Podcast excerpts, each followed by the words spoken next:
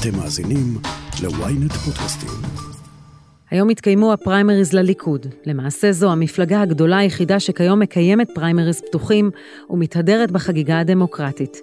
בשבועות האחרונים שמענו שוב על רשימות חיסול, קרבות מסרונים, מבחני נאמנות ושינויים בצמרת היחסית ותיקה. אני שרון קידון, וזאת הכותרת.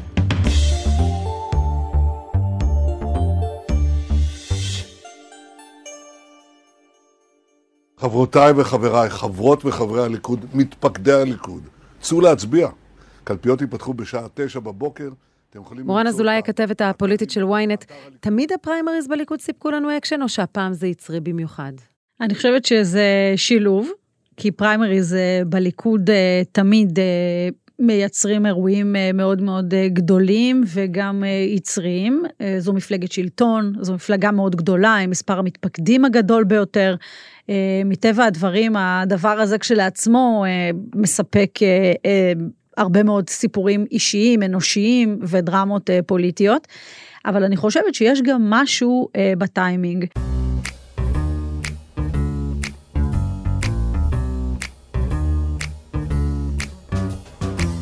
לראשונה מסקרים פריימריז בליכוד, אה, בשעה שהליכוד היא כרגע לא מפלגת שלטון, אלא מפלגה שאיבדה את השלטון ונלחמת לחזור אליו.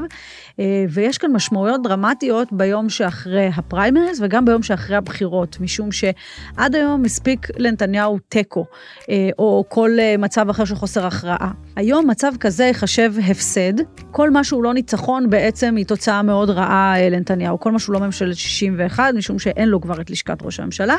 והש... השאלה היא מה יקרה בתוך הליכוד במצב כזה. לכן אה, יש כאן עניין דו-שלבי מבחינת נתניהו. קודם כל להרכיב את הרשימה הטובה ביותר שהוא יכול אה, להרכיב בבואו להתמודד בבחירות או להשיק איזשהו אה, קמפיין. אבל תכף אני אשאל אותך, מה זה הטובה ביותר עבור נתניהו? האם זה נאמנות? האם זה נציגים שאהובים על הציבור? מה המשמעות של טובה לנתניהו? אני חושבת שזה מתחלק אה, לשני חלקים ויש אפילו גם התנגשות אינטרסים. מצד אחד, בתקופת אה, מרוץ לכנסת, בתקופת הקמפיינים, אתה רוצה בהכרח את האנשים הממלכתיים, אלה שמבינים את המסרים, לא את האגף הניצי אה, בקדמת הבמה, לא את אלה שמלחיצים את הקהל ומספקים חומר למתחרים שלך בקמפיינים עם מה לעבוד. אז זה אינטרס אחד במערכת הבחירות.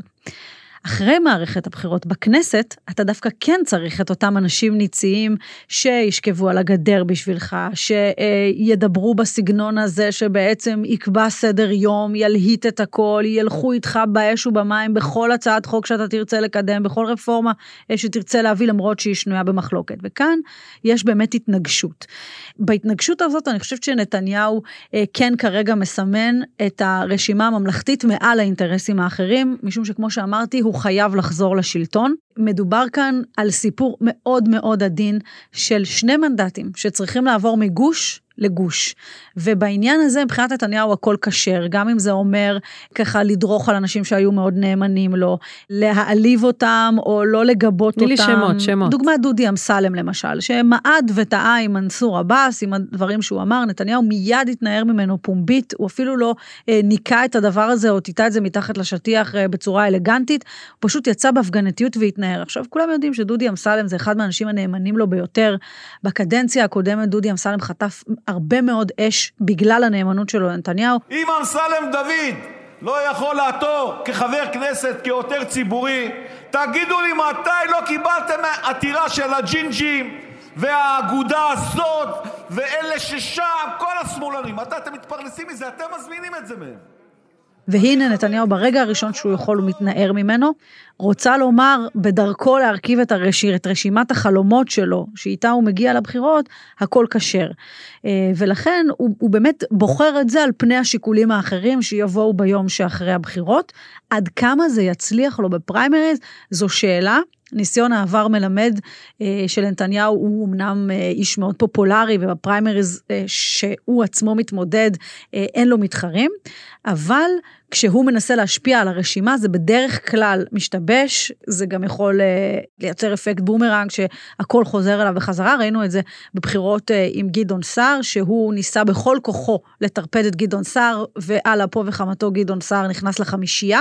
זה היה אירוע שמלמד אה, שכוחו של נתניהו מוגבל ברצון שלו לסדר רשימה, אבל זה לא אומר שהוא לא בוחש, יש שם בחישות אינסופיות. יש עכשיו פריימריז בליכוד, תחשבו פעמיים כל מי שחבר ליכוד פה לפני שאתם בוחרים, כי...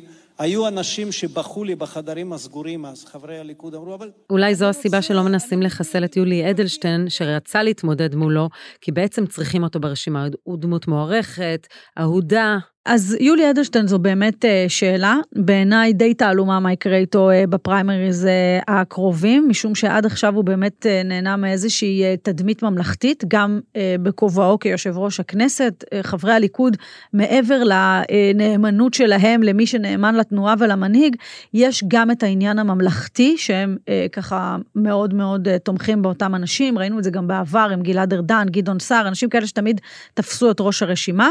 ועכשיו יש פה שאלה, משום שאנשים ממרכז הרשימה, לפחות אני מזהה בשטח, טיפה רושמים אה, התקדמות. למשל, אלי כהן, אדם שהיה איפשהו במקום לא מאוד חשוב באמצע, לא בתפקיד מיניסטריאלי מאוד אה, בולט, אה, צבר תאוצה בשטח, מתקדם אה, ל, לראש הרשימה, ובעצם נכנס לרשימות החיסול. לב ליבו של ההליך הדמוקרטי, העובדה שהכנסת משקפת את רצון העם. ועבודת הכנסת נעשית באופן כזה שכל סיעה מיוצגת בהתאם לתמיכה הציבורית שהיא קיבלה. זו הדמוקרטיה. עכשיו, מה באים אז בוא תגיד מה עושה בממשלה. גם אה, אה, יריב לוין, האיש הקרוב ביותר אה, לנתניהו, זה איש שבדרך כלל נאבק מאוד מאוד קשה על מקומו ברשימה, והדרך שלו אף פעם לא הייתה פשוטה. היום כמעט בכל מקום מזהים את השניים האלה כשניים חזקים. וזה כשאני מסתכלת על הכוורת שהיא ממילא צפופה שם בצמרת, ניר ברקת וישראל כץ ויולי אדלשטיין שהזכרת, וגם מירי רגב. אנחנו נקים ממשלה לאומית בראשותו של נתניהו. אנחנו נוכל להקים את הממשלה הזאת. אני אומרת שוב, אני לא... יש אה, מי שהם אה, ככה מנסים בכל כוחם לדחוק אותה החוצה מהחמישייה, היא האישה היחידה שהגיעה בחמישייה של הליכוד, וכרגע אני לפחות מזהה שיש מי שמנסים עם מרפקים מאוד מאוד חזקים לדחוק אותה החוצה, להוציא אותה מהרשימות, לייצר איזשהו מצב חדש אה, בצמרת, ולכן לא משנה איך זה ייגמר, לדעתי יהיו הפתעות מאוד גדולות אה, בתוצאות הפריימריז האלה, ועם זה נתניהו יצטרך איכשהו לעבוד.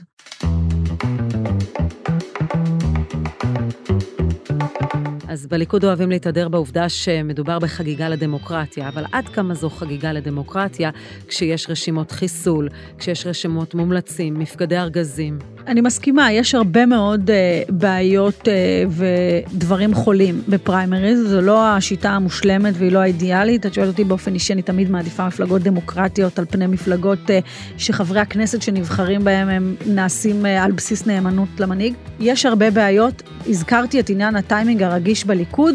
יש כאן עניין גם שאף אחד לא יודע עוד כמה זמן נתניהו יהיה, ולכן אנחנו נכנסים לזמן הביצורים. אה, הרגע הזה שכל אחד רוצה בעצם לשרטט את כוחו הפוליטי, לסמן טריטוריה, להיראות כמה שיותר חזק, לתפוס משבצת כמה שיותר אה, יוקרתית. גם נתניהו מבין את נקודת הזמן הקריטית.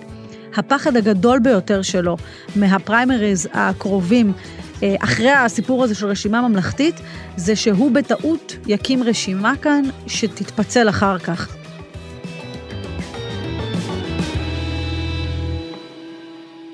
זאת אומרת שייכנסו איכשהו ארבעה סוסים טרויאנים שיוכלו להתפצל בכנסת הבאה, זה תסריט הבלהות מבחינתו, ולכן אנחנו רואים הרבה מאוד פירוטכניקה, הרבה מאוד החלטות שמתקבלות ואחר כך אה, עושים סיבוב פרסה ומתחרטים ואומרים שלא. אה, דוגמה מהימים האחרונים, נתניהו מקצר פזם, אה, תקופת אה, הכשרה בליכוד, ל-14 מועמדים, חלקם מאוד מאוד בולטים, עורך דין אייל בסרגליק וחברת הכנסת לשעבר שולי מועלם, וגם בנו של חבר הכנסת פטין מולה, והנה נתניהו בשבוע שעבר, בשעת לילה מאוחרת, מוציא הודעה ומבהיר שהם, הפזם שלהם לא יקוצר. העניין הזה מעורר הרבה מאוד תסיסה ובלגן אה, בליכוד, אבל יותר מהכל מחדד עד כמה נתניהו חושש ממצב שתיבחר כאן רשימה שלא תהיה נאמנה לו במאה אחוז, הוא יודע עד כמה נקודת התורפה היא תמיד המחוזות, כי מי שיודע להביא הרבה מאוד קולות ברשימה הארצית ולהיבחר ברשימה הארצית כנראה לא יפרוש, אבל מי שנכנס במחוזות במספר קולות מועט יחסית, אה, יכול לחפש את דרכו הפוליטית הלאה, ולכן הכל הכל מתנקז לעניין הזה. אז שאלת האם זה דמוקרטי, אה, כן או לא? חצי.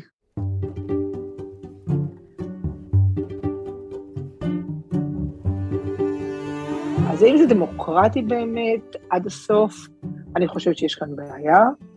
אני חושבת שהיה צריך למצוא איזשהו שילוב. לימור לבנת, היית שרה וחברת כנסת מטעם הליכוד וחברה בתנועת הליכוד עשרות שנים. הנה אנחנו לפני פריימריז לרשימת הליכוד. עולים בך זיכרונות, אולי אפילו געגועים? תראי, עולים בי זיכרונות בהחלט, אבל געגועים ממש לא, אה, להפך. ניסיתי את המרוץ הזה שמונה פעמים, שרון. זה מרוץ שפשוט אה, לא יאומן. אני שומעת אנשים אה, שהם מתמודדים פעם ראשונה או פעם שנייה, ואומרים, מה, זה סיוט, פריימריס, זה נורא. קבוצות הכוח, מוקדי הכוח, הדילים, הרשימות, ההתחנפויות, המרוץ אחר הקולות, שמחות, אבל צריך גם להבין, פריימריז הם לא אירוע של שבועיים שלושה, פריימריז מתקיימים, לפחות בליכוד אני יכולה לומר בוודאות, כל הזמן. הליכוד אוהב להתהדר בזה שמדובר במפלגה הדמוקרטית ביותר, מכיוון שאין כמעט מפלגות היום שעורכות פריימריז. זה באמת דמוקרטי שעדיין יש את כל מפקדי הארגזים ודילים וכל מיני דרכים לעקוף את הדמוקרטיה. יש אה, אמת מסוימת בכך אה, שאומרים שהליכוד היא המפלגה הדמוקרטית ביותר, כי באמת אה, בכל יתר המפלגות יש אדם אחד שקובע איך תראה הרשימה, זה ודאי לא דמוקרטיה. מצד שני, כשבאים לדבר על פריימריז בליכוד, אז צריך לזכור שבאמת יש אכן מפקדי ארגזים, ויש קבוצות שיש מי שפוקד אותם ופוקד עליהם גם איך להצביע. נותן להם רשימות עם שמות, והם הולכים בשורה עורפית להצביע. אולי הדוגמה הכי בוטה הייתה בתעשייה האווירית באמת, ועדיין. הדבר הזה, היה צריך למצוא איזשהו שילוב של באמת בחירה שמשתתפים בה כלל החברים, עם איזושהי ועדה מסדרת. יש כל מיני רעיונות, יש כל מיני שיטות, דיברו עליהם במהלך השנים, לאף אחד לא היה לא כוח, לא אומץ ולא יכולת לעמוד מול אותן קבוצות כוח. אני שואל אתכם, אתם תיתנו להם להדיח את יושב ראש הליכוד? על הציבור הזה שיושב כאן ביחד. אנחנו הולכים יחד אי אפשר להתעלם מהעובדה שגם אין בחירות לראשות המפלגה. אפשר להתייחס לזה כמפגן נאמנות, לעומת עריפת הראשים שהייתה נניח נהוגה בעבודה, או שזה מפגן דיקטטורה. בליכוד יש באמת אה, נורמה של שמירה על המנהיג ונאמנות למנהיג, ושל אי עריפת ראשים. יש גם עוד, הייתה גם עוד נורמה, הייתה, היום כבר לא, בליכוד. והנורמה הייתה שמותר גם להשיג על המנהיג, כלומר לחלוק עליו. ואם הוא אומר דברים, הוא עושה דברים שלא נראים ולא מקובלים, מותר לחלוק עליו ולהביא את זה בקול רם. ורק בשנים האחרונות, ממש לאחרונה, זה נהפך לשלטון יחיד עם פולחן אישיות, שבו ממש מי שחולק על המנהיג, על נתניהו, מי שמעז לחלוק עליו, מי שמעז להביע איזה התנגדות או הסתייגות, אה, נחשב ממש ל... איך הם אומרים שם? בוגד. זה דבר שלא היה. אה, הסגידה הזאת, פולחן האישיות הזה, בעיניי, הוא פסול לחלוטין. אזרחי ישראל, מה שעומד היום למשפט זה הניסיון לסכל את רצון העם. הניסיון להפיל אותי ואת מחנה הימין. אני חושבת שב-2015 נתניהו שינה את התנהלותו, את עורו, אה, ובעוד שבעבר הוא מאוד תמך במערכת המשפט. החל מ-2015 הוא התחיל לומר דברים מאוד קשים על מערכת המשפט, על מערכת אכיפת החוק. הדרך שבה הוא נקט, המילים שבהם הוא דיבר, האנשים שאותם הוא קידם לתפקידים מאוד מאוד בכירים בממשלה, ממקומות אגב מאוד נמוכים ברשימה לכנסת, בליכוד, והוא קידם אותם לא במקרה, זה היה בכוונת מכוון, כדי שהם ישתלחו במערכות הללו. והוא עשה את זה מפני שהוא עצמו, אגב, לא ייתפס אף פעם לדבר בלשון גסה או בלשון בוטה. ואני, בדברים האלה לא יכולתי לעמוד, ואני בכל זאת ניסיתי, ובארבע מערכות הבחירות האלה אני אמרתי, בכל זאת מאכל, למרות הכל, למרות שהיו לי הסתייגויות והייתה לי ביקורת מאוד קשה, עד אותו רגע שבו נתניהו נתן לגיטימציה לבן גביר וקרא להצביע לסמוטריץ' ולבן גביר, ואז בפברואר שנה שעברה, אני לא יכולתי יותר, ואז כתבתי אה, מאמר בידיעות אחרונות, זהו שיר פרידה. זהו, זה כבר לא הליכוד הזה שהכרתי, לא הליכוד שאני יכולה להזדהות איתו, אני לא יכולה עוד. לימור לבנת, תודה רבה על השיחה. תודה רבה, שרון. מה עושים מורשעים בעבירות פליליות ברשימת המתמודדים בפריימריז של הליכוד, והקרב הצפוף אצל הנשים? הודעה קצרה, ומיד נמשיך עם הכותרת. מי עומד בראש? ומי משתף פעולה עם מי? משטרת ישראל חושפת... סקרנים? מצוין. ynet פלוס החדש, עם הסיפורים המעניינים ביותר של מיטב הכותבים. החודש הראשון בחמישה שקלים ותשעים בלבד. ynet פלוס. האמת? מעניין. למצטרפים חדשים כפוף לתנאי השימוש.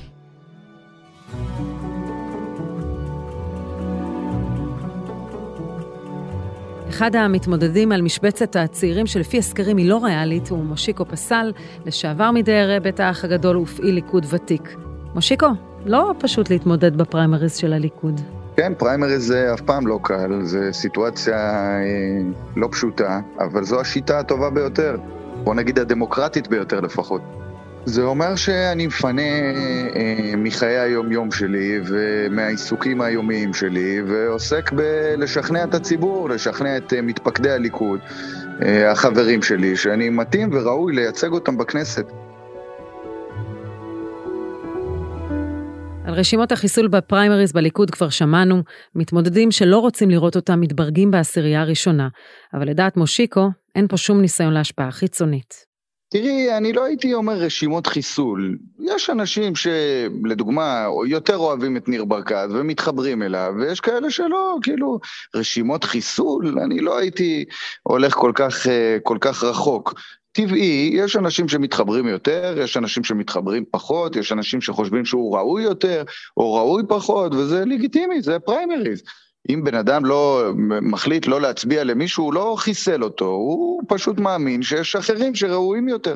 בשנים האחרונות המבחן החשוב ביותר לקבלת תפקיד בכיר בממשלת הליכוד היה מבחן הנאמנות לנתניהו. כולם רוצים להביע נאמנות כדי ליהנות מתפקיד מתגמל. זה יותר חשוב אפילו ממיקום גבוה בפריימריז. ובהקשר הזה התנפח הקוריוז של סיפור הטיליון בו מוטבעת תמונתו של נתניהו. אבל מושיקו הוא מתנער מהסיפור לחלוטין. תראי, בתור אחד שמכיר את הטיליון, את נושא הטיליון לעומק, אני יודע שמדובר בפיגוע אה, שנועד אה, בעצם אה, לצייר את הליכודניקים כמושחתים, כאנשים הזויים, כאנשים שסוגדים למנהיג, בזמן שהרי פריימריז זה בדיוק הסיטואציה ההפוכה. הרי בכל, אצל יאיר לפיד יושב המנהיג והוא קובע את הרשימה, אם מישהו יתייחס אליו יפה אז מצוין, ואם לא, דווקא כאן יש הרבה אנשים שהעבירו ביקורת על נתניהו והם נבחרים גבוה מאוד ברשימות. אז לבוא ולקחת אה, את הנושא הזה של הטיליון זה בדיחה, ומי שיצר את זה, אה, אה, יצר את זה בשביל, באופן מכוון בשביל לפגוע בליכודניקים ולהציג אותם כבאמת עדר כבשים, וזו הסתה מכוונת, הדבר הזה.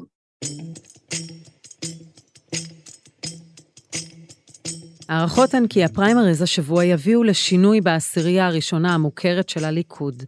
זה גם תוצר של מלחמות הנאמנות, עבודת שטח, אבל גם מעין שיטוח מעמדות שנוצר בשהות באופוזיציה. כן, אני חושב שכתוצר לוואי של האופוזיציה, אז השרים שהיו מתהדרים בפמליה של הרבה עוזרים ועילה כזאת של אה, שרים ש, שמרחפת אה, מעליהם, אז אה, באופוזיציה, מה שקרה כתוצר לוואי מהאופוזיציה זה שיש הזדמנות לחברי כנסת החדשים, פתאום הם באותה קומה, כולם חברי כנסת, אין שרים. ולכן אני חושב שבמידה מסוימת לחברי הכנסת החדשים שלא היו שרים, זו הזדמנות להתקדם ולעשות שינויים ברשימה. זאת אומרת, הם יכולים להתקדם יותר. קחי לדוגמה, סתם, אני אומר, אה, חברת כנסת כמו אה, קרן ברק, כן? אם בעבר התחרות שלה מול מירי רגב כשרה בכירה וכמישהי שמקבלת המון תקשורת והמון עוזרים ופמליה, עכשיו הפער הזה הוא מצטמצם כי שתיהן הן חברות כנסת. ומטבע הדברים אנחנו נראה גם שינויים ברשימה, חד משמעית. זה לא...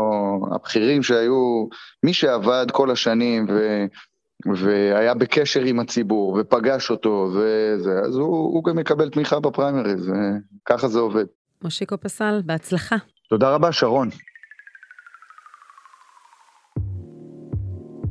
מורן אזולאי בחזרה אלייך, אנחנו רואים התמודדות הפעם של מועמדים שהורשעו בעבר בפלילים, וגם ניסיונות לכאורה של העבריין אבנר הררי לקדם מהכלא מועמד שלו.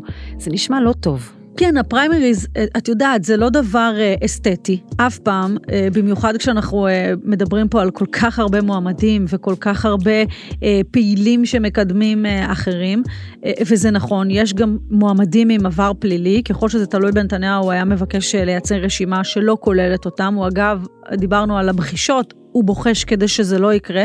זה לא בהכרח יכול לקרות. הפריימריז בליכוד הם הרבה מאוד אה, קשורים לא בפופולריות של מועמד, אלא גם בעבודת שטח, גם ביכולת לייצר דילים. אה, יש הרבה מאוד אה, כלים למועמד אה, בפריימריז כדי אה, לבלוט ולכבוש את המשבצת, אה, ונדמה לי שהם עושים את זה. לפעמים גם האינטרס של נתניהו מתנגש עם אינטרס של אה, אדם אחר פופולרי ברשימה. אה, קחי לדוגמה את דוד ביטן, שהוא איש מאוד חזק בשטח, ישראל כץ, לכל אחד יש העדפות משלו, ויש כאן הרבה מאוד קרבות תת-קרקעיים בשטח, שאף אחד לא באמת יודע איך הם uh, ייגמרו, אבל אני כן מסכימה איתך שזה בהחלט לא אירוע אסתטי, פריימריז uh, בכלל. יש לנו 120 אלף מתפקדי ליכוד שיבחרו את הרשימה הטובה ביותר. אני יודעת שרוצים לקבוע לנו... אה, נמצאים אנשים ונשים שבהחלט מייצגות את תנועת הליכוד. אני כמי ששורשית... אני אדאג לסילמן ולשיקלי בתוך הליכוד או עם... אצל אנשים נראה שהפעם הקרב צפוף במיוחד. נכון, קרב אה, מאוד אה, מאוד צפוף. אני מפרידה רגע את המרוץ של הנשים מאישה אחת שנחשבת מאוד מאוד בולטת שם, אה, מירי רגב. זה לא עניין של מה בכך שהיא כאישה מצליחה להתברג שם בין הגברים החזקים לאורך השנים האחרונות. היא מתברגת בדרך כלל בחמישייה הראשונה, וגם יש עכשיו מי שמנסים להוציא אותה משם, אבל אני, אני מפרידה אותה רגע מהקרב האחר. יש את גילה גמליאל שהיא מועמדת אה, ותיקה ובכירה אה, בליכוד, ויש גם נשים אחרות אה, מכהנות כמו קרן ברק וקטי שטרית ו... גלית דיסטל שמאוד מקורבת ו... לנתניהו. בדיוק, ורציתי להגיע, שמרתי אותה בכוונה לסוף, משום שגלית דיסטל היא באמת, עם כל מי שאני מדברת, היא תעלומה. היא מורגשת מאוד מאוד טוב בשטח, היא מורגשת בתקשורת, היא מורגשת ברשתות החברתיות, אבל אף אחד לא באמת יודע לומר עד כמה הקרבה שלה לנתניהו אה, וגם למשפחתו בעצם תשדרג אותה, עד כמה העניין הזה של גלית דיסטל הוא גם יבוא לידי ביטוי בהצבעות, אבל בהחלט קרב מאוד מאוד אה, קשה של אנשים ברשימה וגם שריונים שיש לאישה חדשה ברשימה, וזה ייאמר לזכות הליכוד, שגם משריין מקומות לאישה וגם נותן את המקום קדימה, ויש לא מעט נשים, אגב, חלקן עם רקורד מאוד יפה בכנסת, עם דברים מאוד חשובים וחקיקה פרלמנטרית. טובה אה, שהייתה בכנסת הזו, אז אה, אני באופן אישי, כמו בכל רשימה, מקווה גם לראות כמה שיותר נשים קדימה. מורן, איך את מסכמת את הפריימריז בליכוד? אם אני הייתי צריכה אה, ככה לתת כותרת אה, לפריימריז, יש כאן עניין של קרב על מקום וקרב על מיקום. יש את אלה שנלחמים בכל כוחם לקבל מקום ברשימה ולא להיוולט הביתה, מדובר על חברי כנסת מהספסלים האחוריים וגם על כאלה חדשים שמבקשים להיכנס, דני דנון אה, שגריר ישראל באו"ם לשעבר, גלעד שרון בנו של ראש הממשלה לשעבר וגם איש התקשורת בועז ביסמוט. אלה השלושה שמבקשים אפילו להתמודד על מקום יחד עם חברי הכנסת. ויש את הקרב על מיקום. שם מדובר בעיקר על הצמרת, על אותם בכירי הליכוד שמנסים אה, לסמן את היום שאחרי נתניהו ולהראות כמה הם חזקים וכמה המחנה שלהם אה, בולט. השאלה היא איך תיראה באמת החמישייה הראשונה, האם נראה שם שמות חדשים, מה יקרה עם יואב גלנט למשל, האם הקדנציה השקטה יחסית והעובדה שהוא לא נמצא כרגע ברשימות חיסול פוליטיות יועילו לו והוא אה, ידלג אה, לצמרת אה, היותר גבוהה ממה שהיה עד היום, האם אה, אלי כהן ייכנס אה, לחמישייה, האם יריב לוין יתפוס את המקום הראשון, מה שלא קרה אה, עד עכשיו. הליכוד עובר שינויים, אז אני חושבת שאלה שני הסיפורים המעניינים שילוו אותנו בפריימריז, מי יתפוס את המקום מקום ברשימה, ומי אה, יהיה במיקום הגבוה ברשימה, אה, בהתאמה לדמויות שאנחנו אה, ככה עוסקים בהן. מורן אזולאי, תודה רבה. תודה, שרון. הליכוד מגיע לפריימריז האלה לראשונה זה זמן רב מהאופוזיציה, וזה אולי מסביר את השינויים והצבעים העזים במרוץ הקרוב. מהלך הפריימריז הוא ללא ספק מפגן דמוקרטי שחברי הליכוד מתגאים בו, ועל אף הפגמים הרגילים והידועים, יש להם על מה. למרות זאת, התחושה היא שהפעם הרשימה תשתנה מעט ותתעצב מחדש כחלק מהמאבק הפנימי על הנאמנות למנהיג החזק. עד כמה מהערכים הישנים נותרו ומהו הליכוד האמיתי, זאת נוכל לדעת רק ביום שאחרי מנהיגותו של נתניהו. עד כאן הכותרת להפעם. אתם מוזמנים לעקוב אחרינו בוויינט או איפה שאתם שומעים את הפודקאסטים שלכם. אם זה קורה באפל או בספוטיפיי, אתם מוזמנים גם לדרג אותנו ולהאזין לפרק נוסף שלנו שהתפרסם בשבוע שעבר. חפשו את הפרק, כך חשפתי את פרשת סרסור הסוהרות. עורך הפודקאסטים הוא רון טוביה, תחקיר והפקה טס גדות, עריכה וארכיונים גיא סלם, על הסאונד עמית זק, אני שרון קידון, ניפגש בפעם הבאה.